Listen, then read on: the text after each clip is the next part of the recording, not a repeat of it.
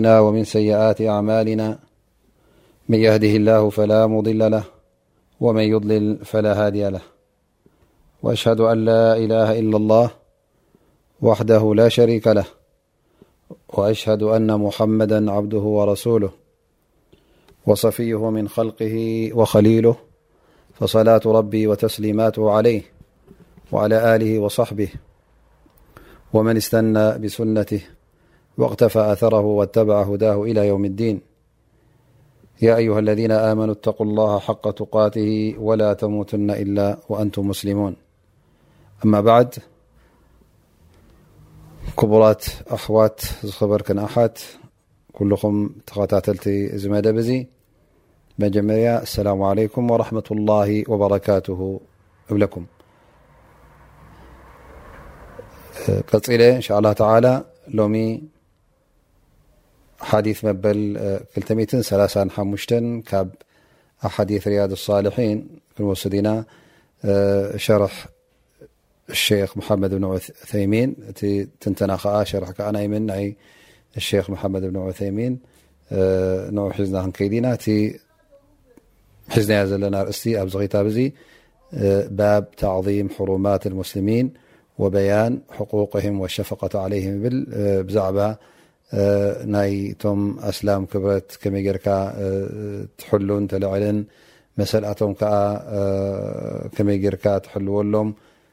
ሸፈቃን ርህራሀን እውን ከመይ ገርካ ትገብረሎም ዘርኢ ኣሓዲት ኣብኡ ኢና ሎም መዓልቲ እንሻ ላ እውን ንቕፅል ዘለና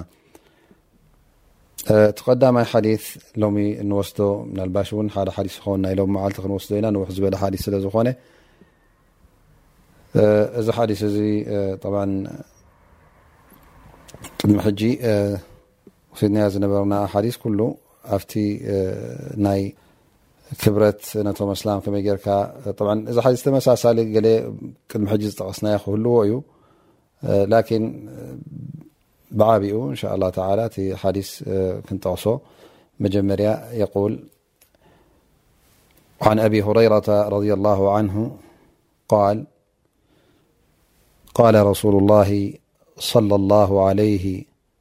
وسلم لا تحاسدوا ولا تناجشوا ولا تباغضوا ولا تدابروا ولا يبع بعضكم على بيع بعض وكونوا عباد الله إخوانا المسلم أخو المسلم لا يظلمه ولا يحقره ولا يخذله التقوى ههنا ويشير إلى صدره ثلاث مرات ويشير إلى صدره ثلاث مرات بحسب امرئ من الشر أن يحقر أخاه المسلم كل المسلم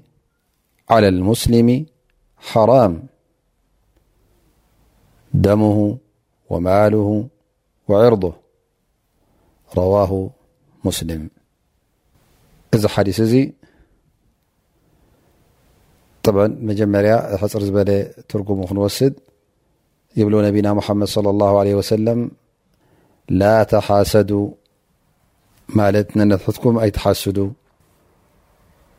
ወላ ተናጀሹ ከምኡ ውን ነጀሽ ዝበሃል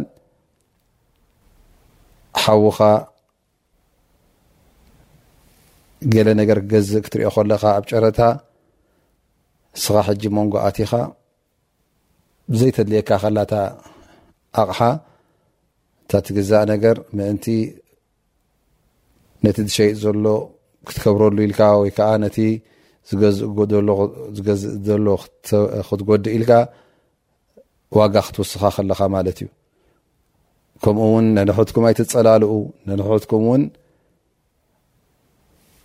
ዝባን ነንሕትኩም ውን ኣይትሃቡ ከምኡ ውን ኣብ መሸጣ ክኸውን ከሎ ሓደ ሰብ እንተ ይገዝእ ኣሎ ኮይኑ ኣብ መንጎ ኣቲኻ ንስኻ ኣነ ብክንዲ ሸጠ ብክንዲዚ ክሸጠልካ እየ ጎደሎ ሸጠልካ ወይ ከዓ ኣነ ብከምዚ ገዝኣ ብዝያዳ ገዝኣልካ ኢልካ ኣብ መንጎ ክልተ ገዛእን ነጋዳይን ክትኣቱ የብልካን ስለዚ ነቢ ስ ሰለም ይብሉ ኩሉካትኩም ባሮት ኣላ ኣሕዋት ኩኑ ኣስላማይ ሓው ኣስላማይ እዩ ኣይዕምፆ ኣይስተናእሶ ኣየዋርዶ ኣይጠልሞ ኣተقዋ ሃሁና እታ ተقዋ እታ ፍርሃት ረቢ ትበሃል ከኣ እታ ቀንዲ ኣበኣ ዘላ ኣብ ልቢ ኢሎም ነቢ ስ ሰለም ናፍቲ ልቦም ኣብቲ ኣፍ ልቦም ሰለስተ ሻዕ ኣመልኪቶም ማለት እዩ ወዲ ሰብ ይኣክሎ ክፍኣት ንሓዉ እስላማይ ከስተናእስ ኣስላማይ ነስላማይ ብኩሉ ሓራም እዩ ደሙ ይኹን ገንዘቡ ይኹን ክብረቱ ይኹን ኢሎም እነቢ ለ ላ ለ ወሰለም ጠቂሶም ማለት እዩ እዚ እቲ ሓዲ ብሕፅር ዝበለ ትንተና ጠቂስና ኣለና እንሻ ላ ተላ ኣብቲ ሰፊሕ ሸርሒ ወይ ከዓ ሰፊሕ ትንተና ኣብኡ ክንኣቱ ኢና እዚ ሓዲስ እዚ ነቢ صለ ላه ለ ወሰለም ዝጠቀስዎ ተቀዳመይቲ ላተሓሰዱ ዝበልዋ ማለት ንንሕትሕትኩም ኣይትሓስዱ ሓሰድ ክበሃል ከሎ እንታይ ማለት እዩ ሓውኻ እንተ ዝወዲ ሰብ እዚ እተ ኣላ ስብሓን ወተላ ፅቡቕ ሽሻይ ሂብዎ ንዕኡ ስለምንታይ እዚ ሽሻይ እዚ ረኪቡ ኢልካ ቂር ክብለካ ከሎ ወይ ከዓ እዚ ነገር እዚ ደስ እንተ ዘይበለካ ሰዋእን እዚ ሽሻይ እዚ ናይ ማል ይኹን ናይ ገንዘብ ናይ ውላድ ይኹን ናይ በዓልቲ ቤት ናይ ፍልጠት ይኹን ናይ ዕልሚ ናይ ዒባዳ ይኹን ዝኾነ ይኹን እቲ ሽሻያት ኣላ ስብሓን ወተላ ደረት የብሉም ብዙሕ እዩ ምናልባሽ ሕና እቲ ርዝቅን ሽሻይን ጥራይ ናይ ገንዘብ ናይ ማል ይመስለካ ኸውን ላኪን ጥዕና ክኸውን ይኽእል እቲ ሽሻይ ንገዛ ርእሱ ውላድ ክኸውን ይኽእል እዩ ፅብቕቲን ውሕልልትን በዓልቲ ቤት በዓልቲ ሰበይትኻ ሓዳር ፅቡቅ ጌራ ትሕዝ ክትከውን ትኽእል እያ ፍልጠት ዕልሚ ክኸውን ይኽእል እዩ እዚ ኩሉ ዓይነታት ኩሉ ርዝቂ ክኸውን እሞ እንተ እዚ ሰብ እዚ ፍልይ ዝበለ ሙሉእ ነገር እንተ ካብዚታት ተዋሂቡ ነዚ ጉዳይ እዚ እንተ ስኻ ደስ ዘይብለካ ኮይኑ እሞ ከዓ ፀልኦ እተ ኮይንካ ከመይ ገይሩ ዝስረኪቡ ኢልካ ኣብ ልብኻ እንተ ቂር ዝብለካ ኮይኑ ኢሎም ዕለማ ወላ እውን እቲ ሽሻይ ወሪድዎ ዘሎ ንክኸይድ ወይ ከዓ ካብኡ ክርሕቕ ኣይትተምነ ደኣ እምበር እዚ ንገዛእ ርእሱ እውን ሓሰድ ይብሉ ኣሎ መዓኑ መብዝሕቶም ዕለማእ ዝብልዎ እቶ እተ ሰሚዕና ሓሰድ ዝበሃል እንተ ደኣ እቲ ንዕማ ወሪድዎ ዘሎ ነዚ ሰብ እዚ ንኸይ ቅፅል ንኽበርስ እንተ ደኣ ተመኒኻ እዮም ይብሉ ማለት እዩ ላኪን ገለ ዕለማ ወላ እውን እንተ ፀሊእካዮ እውን እዚ እቲ ዝኸፍአ እዩ ማለት እቲ ወሪድዎ ዘሎ ኒዕማ ረቢ ከምንዝዖ እንተ ትምነ ኮንካ እዚ ዝኸፍአ ሓሰድ ይኸውን ላኪን ንገዛእ ርእሱ እውን እንተ ስለምንታይ እዚ ሰብ እዚስ ከምዝኣመስል ዝኣመሰለ ገንዘብ ረኪቡ ከምዝኣመሰለ ሽሻይ ረኪብልካ እንተ ነዚ ነገር እዚ ፀሊእካዮ እሞ ደስ ዘይብለካ ኮይኑ እዚ እውን ንገዛእ ርእሱ እንታይ ይኸውን ኣሎ ማለት እዩ ሓደ ካብቲ ዓይነታት ናይ ሓሰድ ይኸውን ማለት እዩ ስለዚ እቲ ሓሰድ እውን ደረጃታት እዩ ሓደ ሰብ እንተ ፀዲእካዮ ነቲ ረኪብዎ ዘሎ ሓሰድ እዩ እንተ ውን ረቢ ይመንዝዓዮ ኢልካ ትትምነ እተ ኮይንካ ውን እዚ ዝኸፍአ ሓሰድ ይኸውን ቀዳማይ ነገር ነቲ ረቢ ዝሃቦ ርዝቂ ስለምንታይ ሂብዎ ኢልካ ፀዲእካ ኣብ ርእስኡ ድማ ንክስእን ደስ ኢሉካ ማለት እዩ ስለዚ እዚ ሓሰድ እዚ ኩሉ ግዜ ናብ ሕማቕ ነገር እዩ ዝወስድ ማለት እዩ እዚ ጠባይ እዚ ጠባይ ናይቶም ኣይሁዳውያን ከም ዝነበረ እውን ኣላ ስብሓን ወተላ ነጊሩና እዩ ስለዚ ሓሰድ ዘለዎ ሰብ ይብሉ ልክ تمسሳل يهدويا يخون يبل علماء م الله سبحانه وتعلى بዛعبم تغسل كل قل الله سبحانه وتعالى ود كثير من أهل الكتاب لو يردونكم من بعد ايمانكم كفارا حسدا من عند أنفسهم ل الله سبحانه وتعلى ብዙሓት ካብቶም ኣህሊ ክታብ እቶም ቅድሚ ሕጂ መፅሓፍ ዝወረዶም ካብቲ ኢማንኩም ሒዝኩምዎ ዘለኹም ናብ ክሕደት ንክመልስኹም ውን ይፈትዉ እዮም እዚ ከዓ ብሰንኪ ሓሰድ ናቶም ሓሳዳት ስለዝኾኑ ሓሰደን ምን ንዲ ኣንፍሲሂም ቃል ተላ ብዛعبኦን الله ስبحنه وى ይብل ኣم يحስدون الناس على ما آتهم الله من فضله فقد آتينا آل ابراهيم الكتاب والحكمة وآتيناهم ملكا عظيما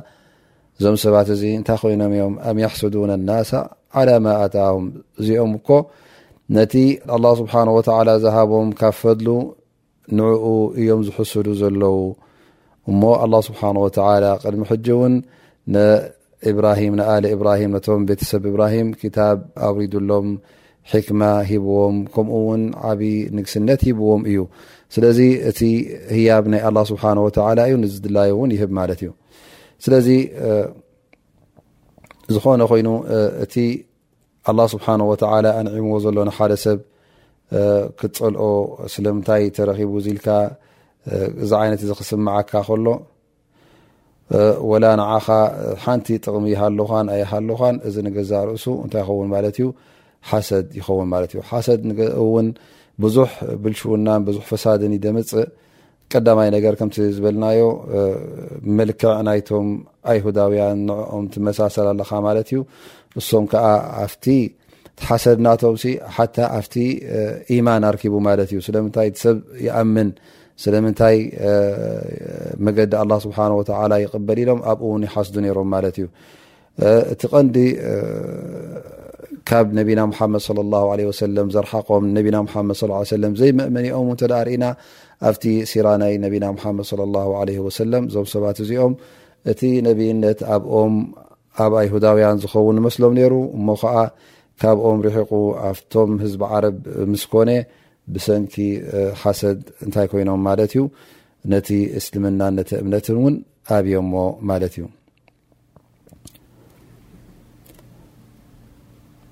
ስለዚ ሓደ ሰብ ር ሕዋትካ ኩሉ ግዜ ክትፈቱ ኣለካ እበር ክትፀልኦ የብልካን ላኪን ሓደ ሰብ ር እተ ኮይኑ ንር ከምኡ ኣላ ስብሓን ወተላ ከንዕመልካ ር ክበካ ኣ ስብሓ ወ ክትፈቱ እዩ ዘለካ ከምቲ ንሰብ ሂብዎ ዘሎ ንዓይ እውን ይሃበኒ ኢልካ እተጠሊብካ ፅቡቅ እዩ ምንም ሽግር የብሉን ን ስብሓ እሱ ዩ በዓል ፈሊ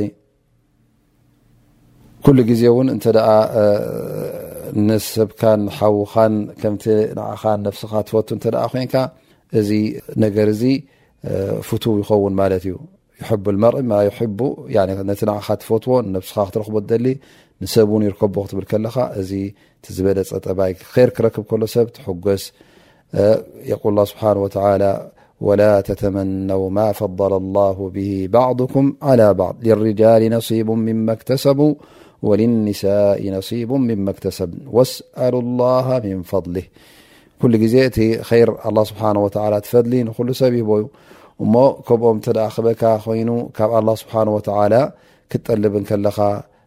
እዚ እቲ ዝበለፀ ይኸውን ማለት እዩ ጠብዓ እቲ ሓሰድ ክበሃል ከሎ ንገዛ ርእሱ እተ ሓደ ሰብ ሓሳድ ኮይኑ በቲ ልቡ እንታይ እዩ ዝብል ዘሎ ማለት እዩ ስለምንታይ ኣላ ስብሓን ወተዓላስ ነዚ ሰብ እዚ ር ሂብዎ ከኣነሁ ያዕተርድ ዓላ ላ ስብሓነሁ ወተላ ንር ኣላ ስብሓን ወተላ እዕትራድ ገብር ኣሎ ማለት እዩ ኣንታ ረቢ ስለምንታይ ሂብካዮ ነዚ ስለምንታይ ር ኣውሪድካሉ ሃ ንስኻ ሕጂ እንታይ ኣተወካ ኣላ ስብሓን ወተላ ንሱ ደይኮነን ነቲ ርዝቅን ነቲ ሽሻይን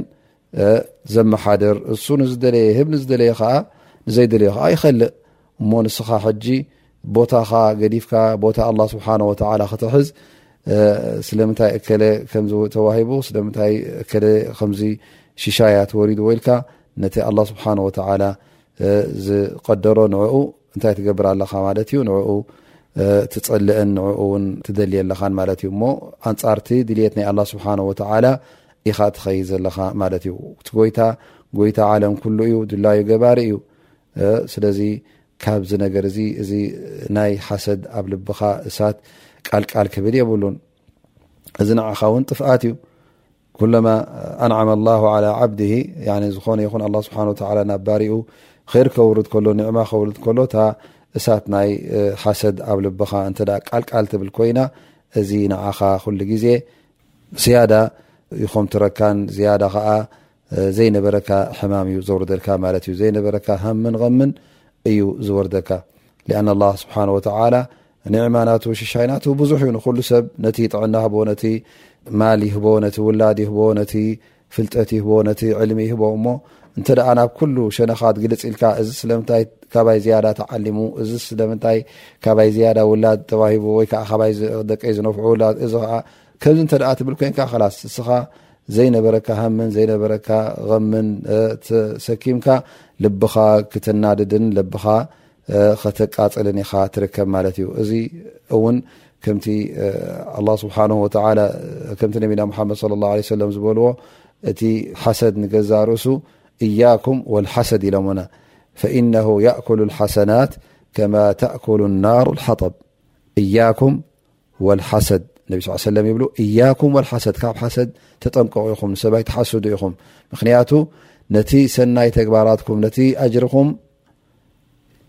የንድዶን የቃፅሎን እዩ ልክዕ ከምታ እሳት ንዕንፀይቲ እተቃፅል ኢሎም ነቢ ለ ላ ለ ወሰለም ኣጠንቂቆም ናዮም ስለዚ በቲ ሓሰድናካ ትገብሮ ዘለካ በቲ ድቃስእንካዮ ዘለካ ኩሉ ግዜ ነቲ ሰናይ ተግባራትካ ነቲ ፅቡቕ ተግባራትካ ትገብሮ ተቃፅል ኣለኻ ማለት እዩ ካብቲ ጥፍኣት ናይ ሓሰድ ን ሓሰድ እተ ኣሎ ኮይኑ ንወዲ ሰብ ኩሉ ግዜ ካብ ር ካብ ሰናይ ካብ ንሰናይ ምጉያይ ካብኡ የታርፎ ማለት እዩ ካብ ንፅቡቕ ስራሕ እውን የታርፎ ምክንያቱ ኩሉ ግዜ ጥራይ ስለምንታይ እከለ ዝረኪቡ እከለ ከምዝረኪቡ እናበለ ሃምን ምን ስለዝኮኖ እንታይ ይኸውን ማለት እዩ ኣብ መጨረሻ ጥራይ ሓስራ ሒዝዎ ወይ ከዓ ተኾምቲሩን ብጣዕሚ ሓሚሙን ሕማቕ ንያ ሕማቕ ነፍሲ ገይሩ እዩ ዝሓድር ማለት እዩ እዚ ንገዛ ርእሱ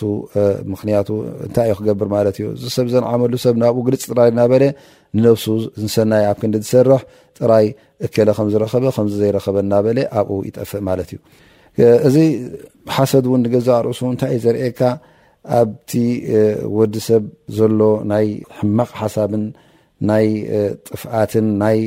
ፀቢብ ኣረኣያን እዩ ዘርእካ ማለት እዩ እንተ ር ንካልእ ዘይፈቱ ኮይኑ ጥራይ እታ ነፍሱ ዝርኢ ናይ ኣነነት ዝብል ኣነኣነ ጥራይ እተ ኮይኑ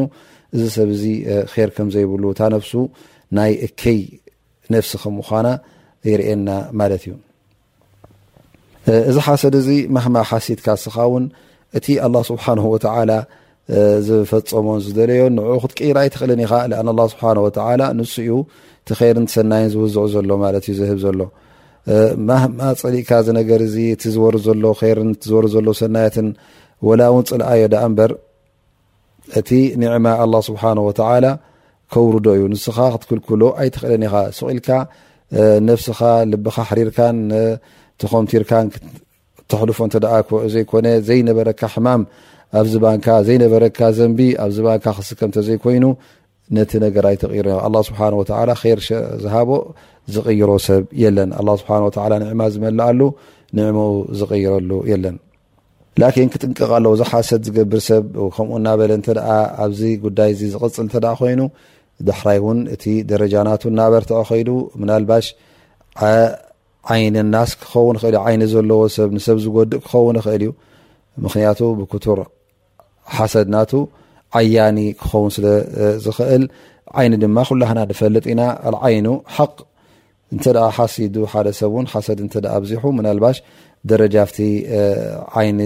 ዝገብር ዓይነናት ዝገብር ክኸውን ስለ ዝኽእል ካብዚ ሓሰድ እዚ ነብሱ ክሕልዋ ኣለዎ ማለት እዩ ሓታ ዑለማእ እውን እተ ሓደ ሰብ ዓይኒ ኣለዎ ኮይኑ እሞ ከዓ ብዓይኑ ንሰብ ዝጎድእ እተ ኮይኑ ወይ ከዓ ንማል ዘጥፍእ እተ ኮይኑ ፍቆሃ እውን ይብሉ እንተ ገንዘብ ኣበላሽ እዩ እተ ገንዘብ ኣጥፍኡ እዚ ገንዘብ እዚ ክኸፍሎን ክዓድዮን ኣለዎ ይብሉ ማለት እዩ ምክንያቱ ዓበ ነገር ስለ ዝኾነ ኩሉ ግዜ እቲ ሓሳት ዝኾነ ሰብ እውን ኣብ ቅድሚ ብፆቱ ኣብ ቅድሚ ሰብ እውን ፅሉእ ዩ ዝኸውን ዝፈትዎ ሰብ የለን ኣ ር ስለ ዘይብሉ ኩሉ ግዜ ጉድኣት ናይ ሰብ ጉድለት ናይ ሰብ ስለ ዝፈቱ ሽሻይ ንር ክወርድ ስለ ዘይደሊ እዚ ሰብ እዚ እውን እንታይ እዩ ዝኸውን ማለት እዩ ፅሉእ ሰብ እዩ ዝኸውን ማለት እዩ ፈልሓሱድ ሓቁት ኩሉ ግዜ ረጁል ከቢስ ርኹስ ዝኾነ ሰብ ኮይኑ ስለ ዝረአ ካብዚ ነገር እዚ እውን እነቢ ለ ላ ለ ወሰለም የጠንቅቑና ኣለዉ ማለት እዩ ስለዚ እቲ ሓሰድ ንገዛእ ርሱ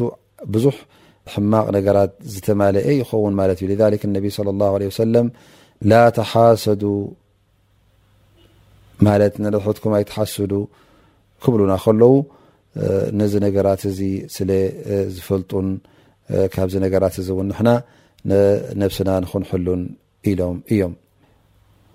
ይ ምናልባሽ ሓደ ሰብ ብለካ ወዲ ሰብሲ ኩሉ ግዜ ካብ ካልኦት ክበልፅ ይፈቱ እዩ ኣብ ር ኣብ ፅቡቕ ነገራት እሞ እዚ ሓሰድ ድዩ ሓሰድ ኣይኮነን ማለት ኣነ ካብ ሰብ ዝበለፅኩዎ ካብ ሰብ ዝበልፅ ር ሰናይ ክህልወኒ እንተ ዝፈቱ ኮይነ ኣብ ኼር ነገራት ኣነ ዝሓሽኩ ክኸውን እተ ዝፈቱ ኮይነ እዚስ ካብ ሓሰድ ድዩ ካብ ሓሰድ ኣይኮነን ዝብል ሕቶ እተ ኣሎ ኮይኑ እቲ መልስናቱ እዚ እንታይ የብልዎ ኣተናፍስ ፊ ራት ወፊ ሊካ ፈልየተናፈስ ሙተናፍሱን ሊምስሊ ሃذ ፈልያዕመል ዓሚሉን ይብለና ኣላ ስብሓን ወተላ እሞ ሓደ ሰብ እንተ ደኣ ኣብ ር ኣብ ፅቡቕ ነገር ካብ ሰብ ክበልፅ ዝደሊ እተ ኮይኑ እዚ ሓሰድ ኣይኮነን እቲ ሓሰድ ዝበሃል እንታይ እዩ እቶም ካልኦት ሲ ር ክረኽቡ የሎ የብሎምን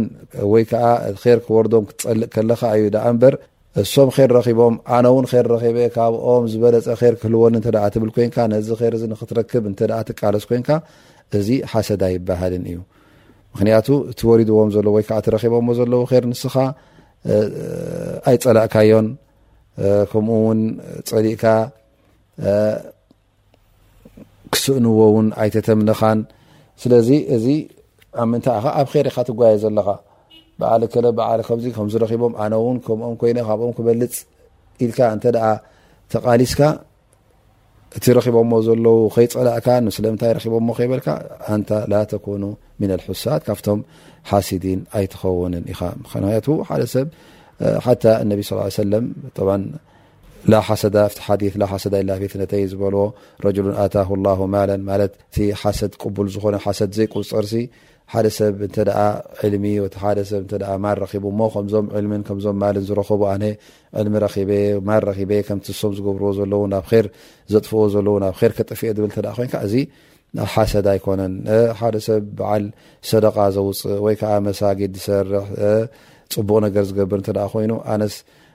ካብቲ ናቱ ዝበለፀ ክገብር ደሊ እተ ትብል ኮንካ እዚ ፅቡቅ ዳኣ እምበር ሕማቅ ኣይኮነን ምክንያቱ እቲ ር እስኻ ኣብኡ ክትሳተፍ ደለኻ ዳኣ እምበር ር ስለምንታይ ወሪዱ ወይከዓ እዞም ሰብ እዚኦም ስለምንታይ ር ኣጓኒፎም ኢልካ ኣይኮንካን ነዚ ጉዳይ እዚ ትፍፅሞ ዘለኻ በል እዚ ዝያዳ ናትካ ርነት ናትካ ፅቡቕ ምፍታው ዩ ዘርኢ ምክንያቱ እቲ ር ተረኪቡ ዘሎ ከምኡ ር ንክትገብር ሰናይ ተረኪቡ ዘሎ ከምኡ ሰናይ ንክትገብር ሰናይ ንክበዝሕ ኢኻ ድልት ዘለካ ማለት እዩ ላ ስብሓን ወ እዚ ናይ ሓሰት ጉዳይ ናይ ልቢ ስለ ዝኾነ እታ ልብና ኩሉ ግዜ ቁሊሕ ክንብላ ኣለና ክንፍትሽ ኣለና ማለት እዩ ምክንያቱ ሓደሓደ ግዜ ከይተፈለጠካ ውን ኣብዚ ነገር እዚ ክትወድቕ ትኽእል ኢኻ ብኣፍካ ካልእ እናተዛረብካ ላኪን ብልብኻ ካልእ ሓሳብ ውን ክህልወካ ስለ ዝኽእል ንጠንቀቕ ኢና ማለት እዩ ብኣፍካ እናስሓቕካ እናበልካ ከለካ ላኪን ብልብኻ ውን ከም ትበርልካ ትሓስድ ትኽእል ኢኻ ስለዚ እዛ ጉዳይ ናይ ሓሰድ ትበሃልሲ ልብና ከነፅር ኣለና ሓውን ኣስላማይ ር ክረክብ ከሎ ማሻላ ተባረከላ ኢልካ ኣንታ ረቢ እተ ከምኡ ደስ ዝብለካ ኮይኑ ንዓኻ እዚ ረኪቡ ረቢ ይወስኮ ኣነ ድማ ከምቲ ናቱ ኮይኑ ላ ውን ካብኡ ዝበዝሑን ካብኡ ዝበልፅ ይሃበኒ ኢልካ ካብ ረቢ ድለዮ ኢኻ ትፈድሊ ረቢ ዋስዕ እዩ እቲ ኣላ ስብሓን ወተላ ነዚ ሓውካ ዝሂብዎ ዘሎ ንዓኻ ከምኡውን ካብኡ ዝያዳ ንክበካ ክኢላ ስለ ዝኾነ ንገዛእ ርእሱ እቲ ር ክወርድ ክትሪኦ ከለኻ ንዓኻ ዘሐጉስ ክኾን ከሎ ኣላ ስብሓን ወተላ ድላዩ ዝገብር እዩ ባዕለ ከለን ከን ኩሉ ሰብካ ዝህብ ዘሎ እሞ ንዓይ እውን ኣይ ክኸልኣንን ኢልካ ናብኡ ተወጃ ካብኡ ጥለብ እሞኒ ስለዚ እቲ ልብኻ እውን ፅሩ ይኾነልካ ማለት እዩ እዚ ጠብ ጉዳይ ናይ ሓሰድ እዩ ብድሕሪኡ እውን ነቢ ለ ላ ለ ሰለም ድሕሪ ላተሓሰዱ ምስ በሉና እንታይ ብሉና ወላ ተናጀሹ ወላ ተናጀሹ ጠብዓ እዚ ሓዲስ እዚ እንተ ርእናዮ እቲ ኩሉ ጠባያት ኣስላማይ ክኽተሎ ዘለዎ ምስ ኣሕዋቱ እስላም ከመይ ገይሩ ክኸይድ ከም ዘለዎ ስኒትን ፍቕርን ምውህሃድን ዝውስኽ ምትእስሳር መሓባ ዝውስኽ ጠባያት ይኸውን ማለት እዩ ፈየቁል ነቢ ስ ሰለም ወላ ተናጀሹ ጠብዓ ነጀሽ ከምቲ ዝጠቐስናዮ እንታይ እዩ ኣብ ጨረታ ክኸውን እንከሎ ሕጂ ሓንቲ ኣቕሓ ክትሸጥ እንከላ ገዛ ይኹን መሬት ይኹን ማኪና ይኹን ዝኾነ ይኹን ኣቕሓ ኮታ ክሸጥ እንከሎ ብጨረታ ሕጂ ጠብዓ ኣብዚ ጨረታ እዚ እንታይ እዩ ኩሉ ነናት ዛረብ ኣነ ክንዲዚ ኣ ሓሳ እናበልካ እናወሰኽካ ትኸይድ ማለት እዩ እቲ ትሸይጥ ዘሎ ዝለዓለ ዋጋ እንተ ረኪቡ ክሸይጥ ማለት እዩ ሕጂ እንታይ ገለ ሰባት ምናልባሽ ምስቲ ሸይጥ ዘሎ ምስኡ ተሰማሚዖም ምናልባሽ ይኾኑ ወይ ውን ሓንሳኣ ውን ከይተስማምዐ ኸውን ላኪን ዘመዱ ስለ ዝኾነ ዓርኩ ስለ ዝኾነ እታ ዝሸጣ ዘሎ ኣቕሓ ብፅቡቕ ንክትሽየጠሉ ኢሉ መፅኡ ዘይገዝእ እንከሎ ድልት ዘይብሉ እንከሎ ኣብቲ ጨረታ ይኣቱ ማለት እዩ ሱቕ ኢሉ ይውስኽ ሕጂ ወይ ንመን ማለት እዩ ነቲ ዝሸይጥ ዘሎ ክጠቅም ማለት ወይ ከዓ ነቲ ዝገዝእ ዘሎ ክጎድእ ደል ይኸውን ምናልባሽ ርክብ የብሉ ክኸውን ምስቲ ሸያጣይ ላኪን እቶም ዝገዝኡ ዘለዉ ንዕኦም ክጎድኦም ደል ይኸውን እንታይ ገብር ማለት እዩ ኣብቲ ጨረታ ኣትዩ ዘየድልዮ ከሎ ገንዘብ ይውስኽ ማለት እዩ እዚ ሕጂ ሓራም ይኸውን ፍቃድ ኣላ ስብሓን ወተላ ነቢ ስ ሰለም ኣብዚ ሓዲስ እዚ ካብኡ የጠንቅቑና ኣለዎ ማለት እዩ ስለዚ እቲ ዋጋ ንኣብነት ብሚእቲ ክሽየጥ ዝግብኦ ዝነበረ ወሲኹ ወሳሲ ክሱ ሕጂ ኣብ ክልተ ሚእቲ ኣብ ሚትን ሓምሳን ከብፅሖ ከሎ ብዘይ የድልዮ ማለት እንተ ክገዝእ ኮይኑ ተድልዮ እንተ ኮይና ኩሎም ሓደ እዮም ሕጂ ውስኽ ማለት እዩ ምንም ሽግር የለን ላኪን ዘይተድልዮ ኮላታ ዋጋ ወይ ነቲ ገዛኢ ክጎድእ ወይ ከዓ ነቲ ነጋዳይ ድሸይ ዘሎ ክጠቅም እንተ ኮይኑ እዚ ሓራም ይኸውን ማለት እዩ ላኪን እንተ ናይ ብሓቂ ድልት ክገዝእ ነርዎ ሓሲቡ ነይሩ ላኪን ምስ ረኣዮት ዋጋ ኣብቲ ንሱ ዘይክእሎ በፂሑ መንጎ እተ ገዲፍዎ እዚ ሰብ እዚ ወላ ሓንቲ ሽግር የብሉ ኣኖ ኣስለን ንያ ነርዎ ንክገዝእ እቲ ዘዛርበና ዘሎ እቲ ንያ ዘይብሉ ማለት እዩ ስለዚ እዚ ነገር እዚ ብሩህ ክኸውን ኣለዎ እቲ ኣብ ጨረታ ዝኣቱ ሰለስተ ዓይነት ከም ምዃኑ ክንፈልጥ ኣለና ማለት እዩ ሓደኦም እዚ ዝጠቐስናዮ ማለት እዩ ብዘይ ድልት ዘይብሉ እንከሎ ጥራይ ንክገድእን ነቲ ዝገ ዘሎ ክገድእ ወይ ከዓ ነቲ ዝሸይ ዘሎ ክሐጉስ እተ ኮይኑ እዚ ሓራም ኢልና ማለት እዩ እቲ ካልኣይ ድማ እቲ ዝውስኽ ዘሎ ክገዝእ ሓሲቡ ነይሩ ላኪን ምስ ረኣዮ ኣቕሓ ዋጋኣ እናኸበረ ከይዱ ምስ ረኣየ ገዲፍዋ ክኸይድ ከሎ እዚ ምንም ሽግር የበሉን ኣኑ መጀመርያ ሕስርቲ ኣ ሞኒ ኣነ ክጥቀመላ የ ዝበል ሓሳብ ነይርዎ ላኪን ኣብ መጨረሻ ምስ ረኣያት ዋጋኣ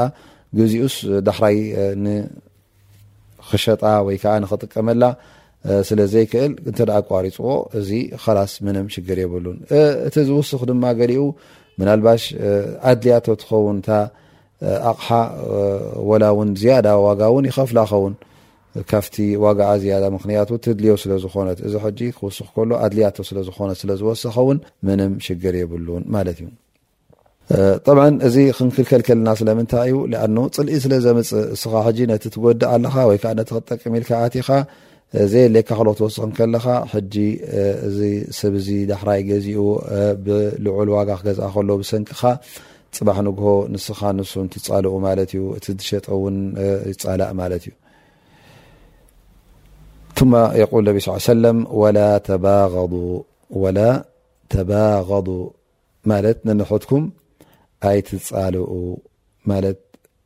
ስኒትን ፍቕርን ክህልወኩም ኣለዎ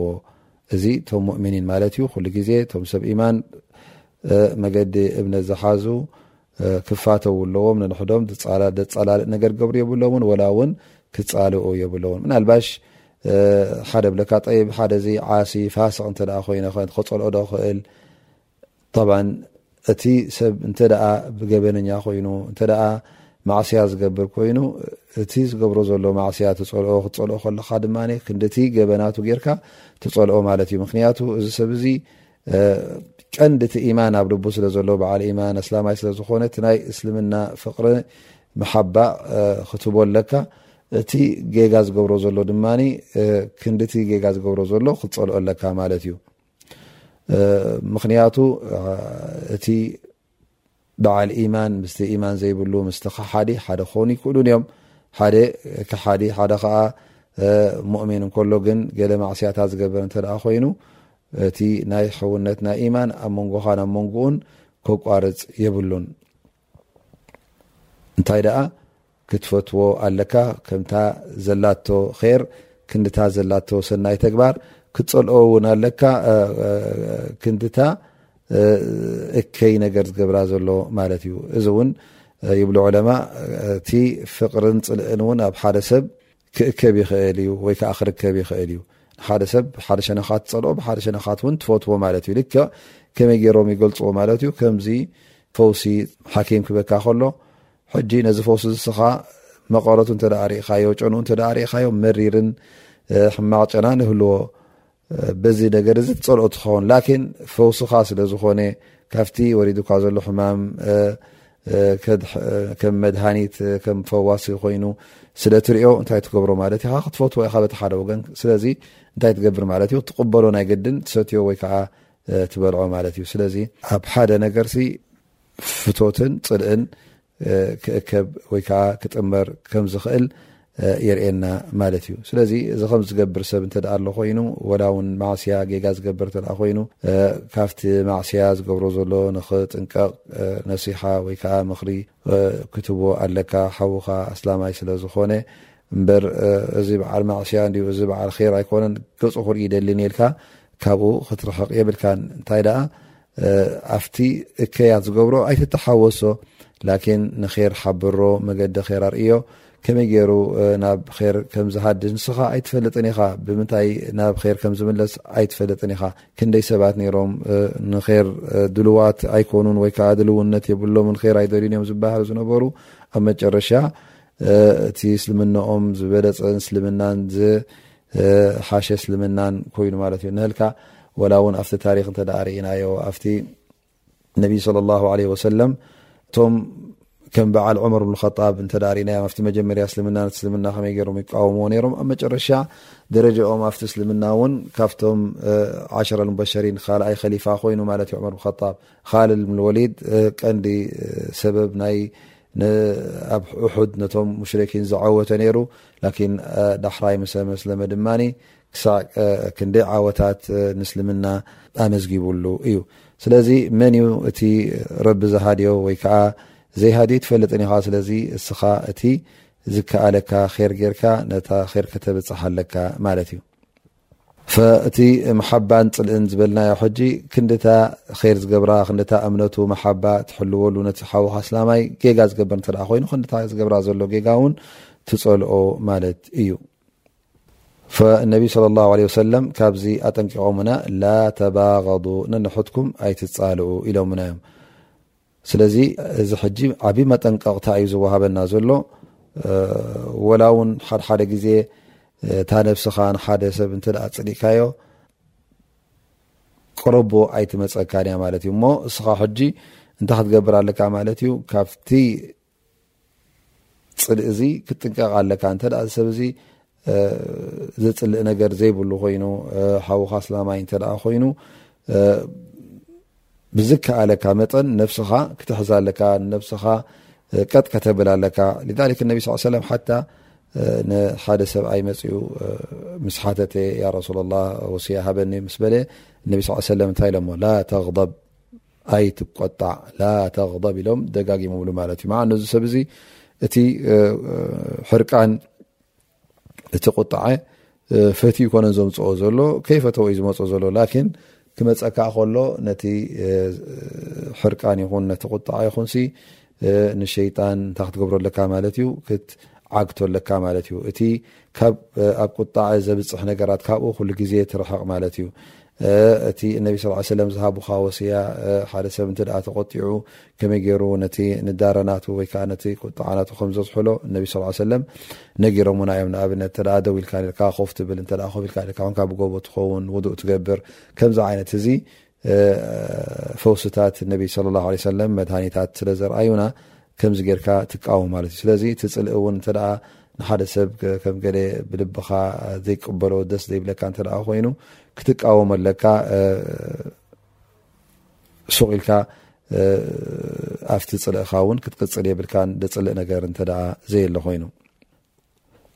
ثم ነቢ ص ه ሰለም ን ኣብዚ ሓዲስ እዚ ይብሉ ወላ የቢዕ ባዕኩም ዓላ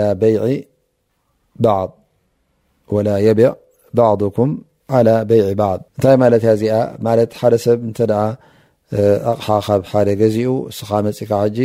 እዚኣ ብክንደይ ገዚእካ ይብክን እ ኣና ብከምዚ ምሃብኩካ ነራ ኢልካ ብሕሱር ወይ ከዓ ሓደ ሰብ ክሸይጥ እንተ ርእኻዮ ብመቲ ቅርሺ ሸጣ እሞ ኣነ ዝያዳ ምሃብኩካ ነረ ኢልካ ኣብ ሞንጎ ክትኣቱ ከለኻ ምእንቲ ክመልሳ እዚ ሰብ እዚ ካብቲ ገዚእዋ ዝነበረ ወይ ከዓ ሸጣ ዝነበረ ሕጂ እዚ ነገር እዚ እነቢ ለ ላ ለ ወሰለም ከልኪሎምና ማለት እዩ ምክንያቱ እዚ እንታይ እዩ ዘምፅእ ማለት እዩ ፅልኢ እዩ ዘምፅእ ቅርሕንቲ እዩ ዘምፅእ ስኻ ሕጂ መፅእካ ኣብ መንጎ ኣትኻ እናገዘአን እናሸጠን እንከሎ ንክመልሳ ምእንቲ ኢልካ ወይ ከዓ ሕሱር ብሕሱር ኣሎ እዚኣ ዳ ሕስርቲ ከምዚ ምሃብኩካ ነረ ኢልካ እተ ክገዝእ ኮይኑ ወይ ከዓ ክትሸይክሸይጥ እንከሎ እተርእካዮ ኣነ ብዝያዳ እገዝኣልካ ክትብሎ ከለካ ኣብ መንጎ ኣቲኻ እዚ ሕጂ ነቢ صለ ላه ለ ወሰለም ዝኸልከሉና ይኸውን ማለት እዩ ወላ የቢዕ ባዕኩም ዓላ በይዒ በዓድ ኢሎምና ማለት እዩ ላኪን ዑለማ ብዛዕባ እዚ ኢሎም ሃል መዓስ እዩ እዚ ነገር ዝተኸልከለ ኣብቲ ዋጋ ዕዳጋ እናተገበረ ከሎ ድዩ ወይስ ዳሕራይ ምስ ተሸጠ ድዩ መዓስ እዩ ዝኽልከል ጠብ ቀዳማይ ነገር ኣብቲ ዋጋ ዕዳጋ እናተገበረ ከሎ እንተ ኮይኑ እሞ እተ ኣብ ስምምዕ በፂሖም ሕጂ ስኻ ክትኣት የብልካ ላኪን ገና እንተ እዞም ሰባት እዚኦም ኣብ ስምምዕ ዘይበፅሑ ዋጋ ዕዳጋ ገይሮም እቲ ንኸሸይ ድልት ኣይነበሮ እተ ኣይትሰማምዕን ምስኡ ድሕሪኡ እስኻ እንተ ዋጋ ዕዳጋ ጌርካ እዚ ምንም ሽግር የብሉን ላኪን እንተ ከላስ ንክሸይጥ ዳርጋ መጨረሻ በፂሑ ናክሸጠ ከሎ ሕጂ መፂካ እስኻ ኣብ መንጎ ክትቅይሮ ከለካ ወይ ከዓ ኣብቲ ግዜ ዕድል ዘለዎ ንኣብነት ሕጂ ንሰለስተ መዓልቲ ዕድል ይወሃቡ ኮኑ እሞ ኣብ ሰለስተ መዓልቲ ንክመልሳ እታ ኣቕሓ ዕድል ዘለዎ እተ ኮይኑ መንጎ እስኻ መፅካ እዚኣ ክንደይ ገዚእካያ ብክንደዚ እ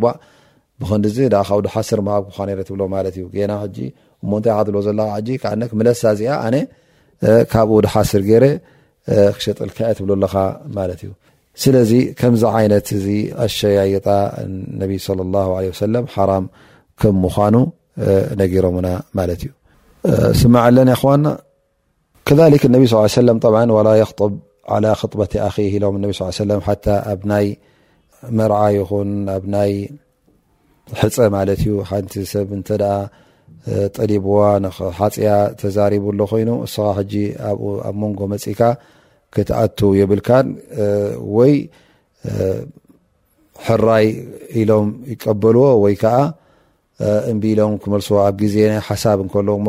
ዕድል ሃበና ኢሎሞ ከለዎ እናተፀበየ ከሎ እንታይ ዓይነት መልሲ ከም ዝብዎ እስኻ መንጎ ኣቲኻ ሕጂ እንታይ ክትገብር ናይ ሕፀ ክትዛረቦም የብልካን እንተ ግን ኣብ መጨረሶም ኢሎም ላ ንሕናስ ዛጓል ኣይተቐበለትን ወይ ከዓ ንሕና ናይ ሕፀ ጠሊብካዮ ዝነበርካ ሳምሓና ኢሎም እንተ ዓፅዮሞ ብድሕሪኡ ክትሓትት ትኽእል ኢኻ ላኪን ኣብ ሞንጎ ክትሓትት ኣይፍቀደካን እዩ ንቲ መልሲ ከይተዋሃበ ከሎ ማለት እዩ ወላ የኽጠብ ዓላ ክጥበት ኣኺ እዚ ኩሉ ሕጂ ወላ የሱሙ ባዕኩም ዓላ ሰውሚ ኣኺ ዮም ነቢ ለ ላ ለ ወሰለም ስለዚ እታይ ሕጂ እቲ ነገር ከምዚ ኣብዚ ሓዲስ እዚ ንሪኦ ዘለና እቲ ባእሲ ዘምፅእ ምስሕሓብ ዘምፅእ ኣብቲ መንጎ ህብረተሰብ ማሕበረሰብ ኣስላም ናይ ዘይምቅዳው ነገር ዘምፅእ እዚ ኩልኩል ከም ምዃኑ ረቢ ከም ዘይፈትዎ ኣብ ምግዛእ ይኹን ኣብ ምሻጥ ኣብ ምልዋጥ ይኹን ኣብ ናይ መርዓ ጉዳይ ማሕበራዊ ጉዳይ ይኹን እዚ ኩሉ ነገራት እንታይ ክኸውን እዩ እስልምና ዝደልዮ ዘሎ ማለት እዩ ኩሉ ብሰላም ክውዳእ ብፍቅርን ብስኒትን ክውዳእ እዩ እዚ እስልምናና ደልዩልና ዘሎ ማለት እዩ ኩሉ ግዜ እቲ ማሕበረሰብ ኣስላምሲ ናይ ር ንክኸውን ንር ዝደሊ ንፅቡቕ ዝደሊ ማለት እዩ ኣብ መጨረሻ ብ ይብሉ ነቢና ሙሓመድ ለ ላ ለ ወሰለም ብሓስቢ ምርኢን ምና ሸሪ ኣን የሕቁረ ኣኻሁ ልሙስልም ኣው ኣን የሕቂረ ኣኻሁ ልሙስልም እዛዓ ነጥቢ እዚኣ ኣብቲ ዝሓለፈ ኣሓዲት እውን ዳርጋ ተጠቒሳ ነራ ማለት እዩ እነቢ ስለ ላ ሰለም ይብሉ ወዲ ሰብሲ ይኣኽሎ እኹል እከይ እዩ እኹል ሸር እዩ እንተ ደኣ ንሓው ስላማይ ዘዋርድ ኮይኑ ወይ ከዓ ዘስተናእስ ኮይኑ ማለት እዩ እሱ ከም ብሉፅን ልዑልን ኮይኑ ኣብሱሪኡ ንካልኦት ኣሕዋት እስላም ብናይ ዓይኒ እሕትቃር እዝዲራእ ማለት ብዓይኒ ናይ ከም ሕሱራት ኮይኖም ወይ ከዓ ውርደተኛታት ኮይኖም ክሪኦም የብሉምን ማለት እዩ ثመ የቁል ነቢ ስ ሰለም ኩሉ ሙስሊሚ ዓላ ልሙስሊሚ ሓራም እስላማይ ንእስላማይ ኩሉ ሓራም እዩ ማለት ብዘይ ሓቅን ብዘይ ሕግን ደም ኣስላማይ ኩሉ እስላማይ ሓራም እዩ ደሙ ይኹን ማሉ ይኹን ክብረቱ ይኹን ማለት ደሙ ክገሃስ ማሉ ክውሰድ ክብረቱ ክቕንጠጥ እዚ ነገራት እዚ ነቢ ለ ላ ለ ወሰለም ብኣላ ስብሓን ወተዓላ እተሓረመ እዩ ይብሉና ማለት እዩ ደሙ ክበሃል ከሎ ብዘይ ሓቂ ክቐተል ማለት እዩ ወይ ከዓ ብዘይ ሓቂ ደሙ ክፈስስ ወላ ው እንተዘይሞተ እንተ ደሙ ኣፍሲስካ ፈጊእካ ሃሪምካ ኣቑሲልካዮ ማለት እዩ ደሙ ኣፍሲስካዮ እዚ ነገር እዚ እውን ኣይፍቀድን እዩ ዕረድ ክበሃል እከሎ ክብረት ክበሃል እከሎ ናይ ማላ እውን ናይ ገንዘብ ዘይኮ ናይ ኣካላዊ እንታይ ደኣ ኣብ ክብረቱ ብሕማቕ ክጠቕሶ ብድሕሪኡ ብሕሜታ እዚታት ነገር እዚ ክትነክኦ ውን የብልካን ማለት እዩ ብከተካፈኦን ከተዋርዶን ውን የብልካን ማለት እዩ ወልማል ጠማን ማዕሩፍ ብዘይ ሕጊ ክትሰርቆ ገንዘቡ ወይ ከዓ ኣጠፋፊእካ ክትወስዶ ኣደናጊርካ ገንዘቡ ንክትወስድ ወይ ከዓ መንጢልካ ብሓይልካ መንዚዕካ ንክትወስድ ወይ ከዓ ተለቂዕ ከለኻ ኣለቅሓኒ ኢልካዮ ዳሕራይ ኣነ ኣይተለቃሕኩን ካባኻ ሓሲኻ ኢኻ ኢልካዮ ከምዚ ጌርካ ዘይናት ከማል ክትወስድ እንከለኻ እዚ ነገር እዚ እነቢይ صለ ላሁ ለ ወሰለም ሓራም እዩ ይብሉና ማለት እዩ ክንጥንቀቕ ኣለና ኣብ ከምዚ ዝኣመሰለ ነገራት ንኸይንወድቕ ቀዳማይ ነገር እቲ ጉዳይ ከም ናይ ወልቃዊ ክብረት ዝሕሉ እዩ ማለት እስኻ ናይ ሓውኻ ኣስላማይ ክብሪ ክትሕልው ከለኻ ንነብስኻ ናትካ ናይ ውልቅኻ ውን ክብሪ ትሕሉ ኣለኻ ማለት እዩ ኣብ ርእሲኡ ውን እዚ ነገር እዚ ማሕበራዊ ጠቕሚ ኣለዎ ማለት እዩ ነቲ ህብረተሰብ እስላም ር ዘለዎ ማሕበር ፍቕርን ስኒትን ዝመልኦ ነንሕዱ ዝከባበር ስለ ይኸውን ማለት እዩ እዚ ድማ ጥቕሙን ረብሕኡን ናብ ኩሉ ዝምለስ ስለ ዝኾነ ነዚ ሓዲት እዚ ሎመዓልቲ ዝሰማዕናዮ ምስቲ ናይ መዓልታዊ ህወትና ዝተኣሳሰረ ስለዝኾነ ብጣዕሚ ክንግደሰሉ ኣለና ብጣዕሚ ድማ ኣብ ግብሪ ከነውዕሎ ክንፍትን ኣለና ባረከ ላሁ ፊኩም ዓላ ሕስነ ልእስትማዕ ፅኒኢልኩም ብምስማዕኩም ዛኩም ላ ር ኣቁሉ ቀውሊ ሃ الله أن ينفعني وإياكم بما سمعنا وبما قلنا وأن يغفر لنا زلاتنا إنه سميع قريب مجيب